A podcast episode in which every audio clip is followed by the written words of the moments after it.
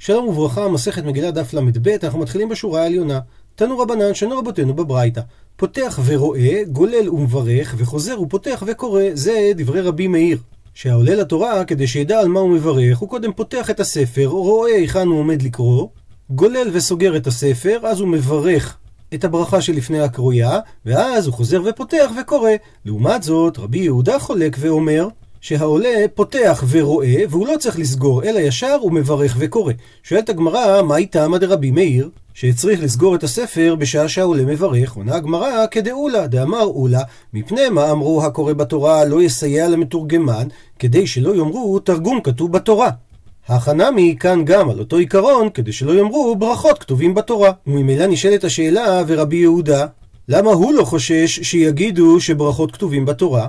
עונה הגמרא, תרגום איכא למיתי, ברכות לאיכא למיתי. תרגום, יש לטעות, אולי זה כתוב בתורה. שהרי זה אותו תוכן, ואנשים יכולים לבוא להתבלבל ולומר שכתבו את התרגום בתורה.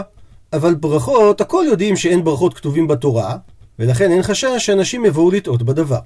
אמר רב זירא, אמר רב מתנה, הלכה פותח ורואה ומברך וקורא. דהיינו, כשיטת רבי יהודה. שואלת הגמרא, ולימה שיאמר רב מתנה, הלכה כרבי יהודה. למה הוא אומר את תוכן ההלכה ולא את מי שאמר אותה? עונה הגמרא משום דאפחי. שהיו מקומות שגרסו את דברי רבי מאיר בדברי רבי יהודה, את דברי רבי יהודה בדברי רבי מאיר, ולכן העדיף רב מתנה לומר מה ההלכה ולא מי אמר אותה.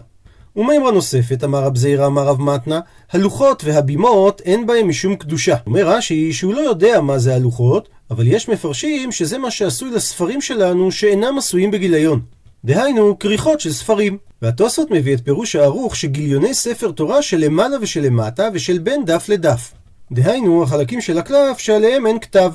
ולגבי בימה, מסביר רש"י, זה מה שהיו עושים למלך בפרשת המלך, כאשר הוא היה קורא בהקל לכל העם את מה שכתוב בספר התורה. וממשיכה הגמרא באותו עניין, אמר רבי שפטי אמר רבי יוחנן, הגולל ספר תורה צריך שיעמידנו על התפר. כפי שכבר ראינו בדף י"ט, הידוק נכון של ספר התורה בשעת הגלילה, מתבצע כאשר התפר שבין שני גיליונות הספר נמצא בין שני עמודי החיים. מימר נוספת, ואמר רבי שפטי אמר רבי יוחנן, הגולל ספר תורה גוללו מבחוץ ואין גוללו מבפנים, ורש"י מסביר שמדובר על אדם שגולל את הספר מעניין לעניין, ומדובר שהגולל הוא יחידי, וספר התורה מונח לו על ברכיו, אז הוא גוללו מבחוץ, זאת אומרת שהעמוד הוא חוצה לו, והוא גולל אותו מצד חוץ לצד פנים, שאם הוא יאחז את העמוד הפנימי ויגול לצד החוץ, הרי יתפשט העמוד החיצון ויפול לארץ. ולכן האחיזה היא של העמוד החיצוני וגלילה כלפי פנים, ולא אחיזה של העמוד הפנימי וגלילה כלפי חוץ, כי זה יכול לגרום שספר התורה ייפול לארץ. תוספות מביא את פירוש רבנו חננאל, שהוא מדבר על הקשר של המטפחת. כשקושר את המטפחת סביב הספר תורה, צריך שהקשר יהיה מצד פנים, כלפי הכתב. כי אם זה יהיה מאחריו, אז כשיפתח את הספר תורה, יהיה צריך להפוך את הספר על הכתב כדי להתיר את הקשר, ואין זה דרך כבוד. וזו טעות נפוצה בדרך כלל אצל אשכנזים, שאם נותנים לילד קטן, יותר נוח לו לקשור את הקשר של ספר התורה כלפי הצד שהוא עומד, וכנגד זה אמר רבנו חננאל שצריך להקפיד שהקשר יהיה מבפנים, שכאשר פותחים את הקשר לא יהיה צריך להפוך את ספר התורה. הלכה נוספת, או כשהוא מהדקו, מהדקו מבפנים ואינו מהדקו מבחוץ. מסביר רש"י, כשגמר מלגלול ובא להדק, אז הוא אוחז בעמוד הפנימי של הספר, והוא מהדק אותו על החיצון, כדי שלא יכסה את הכתב בזרועותיו, שמצווה להראות את הכתב אל העם כשמהדקו. וכאן אין לנו חשש שהעמוד החיצון ייפול, כי מדובר על פעולת הידוק והיא פעולה קצרה, ולא על פעולת גלילה מעניין לעניין. מנהג יהדות תימן עד היום הוא להגביה את הספר באופן כזה שהעם רואה את הכתב, על ידי הגבהת הקלף כאשר ספר התורה שוכב מונח. וגלילת ספר התורה מתבצעת כאשר ספר התורה נשאר מונח, וגוללים מצד אחד כאשר לא מכסים את הכתב באף שלב. וממשיכה הגמרא מימרה נוספת, ואמר רבי שפטי אמר רבי יוחנן, עשרה שקראו בתורה, הגדול שבהם גולל ספר תורה. הגוללו נוטל שכר כולן. דאמר רבי יהושע בן לוי, עשרה שקראו בתורה, הגולל ספר תורה קיבל שכר כולם. ועל כך שואלת הגמרא, שכר כולם סלקא דעתך? מה, הם לא יקבלו שכר? אלא אימה, אלא תאמר שהוא קיבל שכר כנגד כולן. מסביר רש"י שהסיבה שנקטו שזה כנגד עשרה אנשים, כי לא קוראים בתורה בפחות מעשרה אנשים. והסיבה שהגדול גולל, לפי שהוא כבודו. וגם בגלל שהוא הגדול שבכולן, אז כדאי הוא ליטול שכר כנגד כולם. ומימרה נוספת, ואמר רבי שפטיה, אמר רבי יוחנן, מניין שמשתמשים בבת קול, מסביר רש"י, שאם בליבו של אדם להתחיל איזשהו דבר, והוא שומע קול שאומר לו או כן או לא, מותר לו ללכת אחריו, ואין כאן איסור של ניחוש. ותוספות מביא את הירושלמי, ששואל, הרי כתוב לא תנחשו ולא תאוננו. והוא עונה על כך שאף על פי שאין ניחוש מותר לעשות סימן. דהיינו, לא מדובר שהאדם עושה או לא עושה משהו בגלל שמשהו חיצוני קרה, אלא שהאדם מגדיר מראש, אני אעשה משהו עם מקרה א', אני אעשה משהו אחר עם מקרה ב', שזה נקרא סימן והוא מותר, ולא ניחוש שהוא אסור. והמקור לכך שנאמר, פסוק בישעיה, ואוזניך תשמענה דבר מאחריך לאמור. הוא מסייג את הגמרא, והני מילי דשמע קל גברא במתא וקל איתתא בדברא. דווקא מדובר שהוא שומע קול שאינו מצוי, שזה נקרא שבת הקול באה אליו. שהוא שומע קול איש בעיר או קול אישה בשדה, שקולות אלו הם קולות שאינם מצויים. והסתייגות נוספת, והוא דאמר הין הין, והוא דאמר לאו לאו. שאמירת הכן או הלא נכפלה שתי פעמים.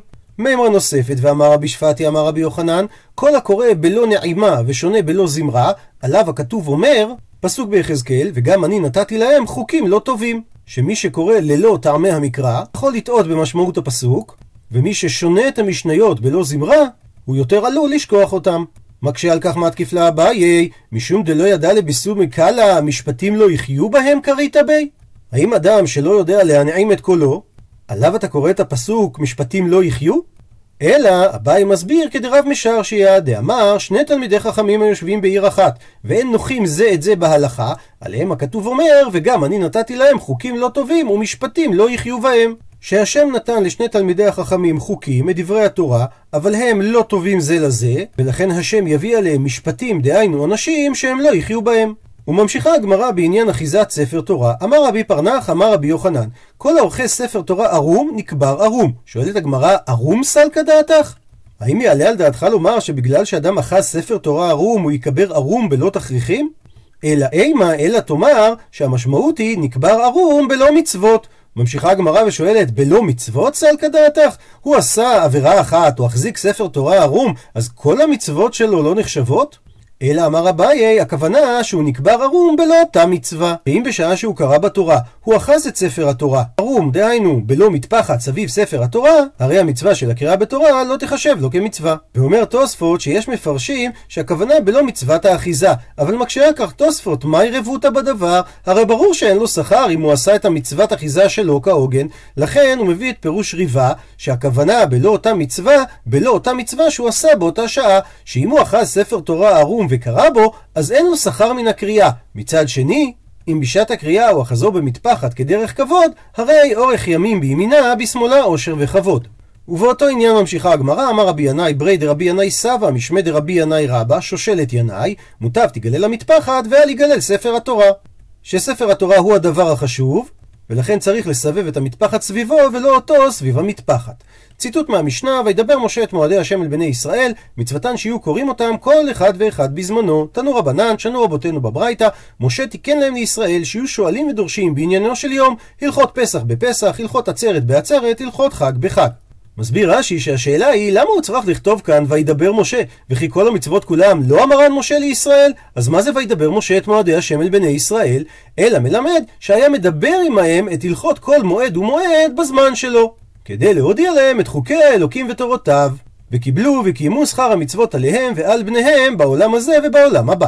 בשעה טובה הדרן הלך פרק בני העיר וסליק עלה מסכת מגילה הדרן הלך מסכת מגילה והדרה חלן, דעתם הלך מסכת מגילה ודעתה חלן, לא ניתנה שמינך מסכת מגילה ולא תיתנה שמינן, לא בעלמא דין ולא בעלמא דעתי. הדרן הלך מסכת מגילה והדרה חלן, דעתן הלך מסכת מגילה ודעתה חלן, לא ניתנה שמינך מסכת מגילה ולא תיתנה שמינן, לא בעלמא דין ולא בעלמא דעתי. דרן הלך מסכת מגילה והדרה חלן, דעתן הלך מסכת מגילה ודעתה חלן, לא תיתנה שמינך מסכת מגילה ולא תיתנה שמינן, לא בעלמא דין ולא בעלמא דעתי. יהי רצון מלפניך אדוני אלוהינו ולאבותינו שתהא תורתך אומנותנו בעולם הזה ותהא עמנו לעולם הבא. חנינא בר פפא, רמי בר פפא, נחמן בר פפא, אחי בר פפא, אבא מרי בר פפא, רפרם בר פפא, רכיש בר פפא, סורחב בר פפא, עדה בר פפא, דרו בר פפא. הערב נא אדוני אלוהינו דבר תורתך בפינו, בפי אותמך בית ישראל, ונהיה אנחנו, וצאצאינו וצאצאי צאצאינו, וצאצאי עמך בית ישראל, כולנו יודעי שמך, ולומדי תורתך לשמה, מאויבי תחכמני מצוותיך, כי לעולם היא לי, יהי ליבי תמים בחוקיך למען לא אבוש, לעולם לא אשכח פיקודיך כי בם חייתני, ברוך אתה אדוני למדני חוקיך, אמן אמן אמן סלע ועד. מודים אנחנו לפניך, אדוני אלוהינו ולאבותינו, ששמת חלקנו מיושבי בית המדרש ולא שמת חלקנו מיושבי קרנות, שאנו משכימים והם משכימים, אנו משכימים דברי תורה והם משכימים דברים בטלים. אנו עמלים והם עמלים, אנו עמלים ומקבלים שכר, והם עמלים ואינם מקבלים שכר. אנו רצים והם רצים, אנו רצים לחיי העולם הבא, והם רצים לבאר שחת, שנאמר, ואתה אלוהים תורידם לבאר שחת, אנשי דמים ומרמה לא ירצו ימיהם, ואני אבטח בך. יהי רצון מלפניך, אדוני אלוהי, כשם שעזרתני לסיים מסכת מגילה, כן תעזרני להתחיל מסכתת וספרים אחרים ולסיימם, ללמוד וללמד, לשמור ולעשות ולקיים את כל דברי תלמוד תורתך באהבה, וזכות כל התנאים והמורים ותלמידי חכמים, יעמוד לי ולזרי של התלמוד של תורה מפי ומפי זרי וזרע זרי עד עולם, ויתקיים בי ותלכך תנחה אותך, בשוכבך תשמור עליך, הקיצות ההיא תשיחך, כי בי ירבו ימיך ויוסיפו לך שנות חיים, אורך ימים בימינה, בשמאלה, עושר וכבוד, אדוני עוז לעמו ייתן, אדוני יברך את עמו בשלום. וכדרכנו בקודש נתחיל את המשנה המסכת הבאה. משנה ראשונה מסכת מועד קטן. משכין בית השלכים במועד ובשביעית, בין ממעיין שיצא בתחילה, בין ממעיין שלא יצא בתחילה. אבל אין משקים לא ממי הגשמים ולא ממי הקילון, ואין עושים עוגיות לגפנים. רבי אלעזר בן עזריה אומר, אין עושים את האמה בתחילה במועד ובשביעית. וחכמים אומרים, עושים את האמה בתחילה ובשביעית. ומתקנים את המקולקלות במועד, ומתקנים את קלקולי המים שברשות הרבים, וחוטטים אותם, ומתקנים את הדרכים ואת הרחובות ואת מקוות המים, ועושים כל צורכי הרבים, ומציינים את הקברות, ויוצאים אף על הכליים.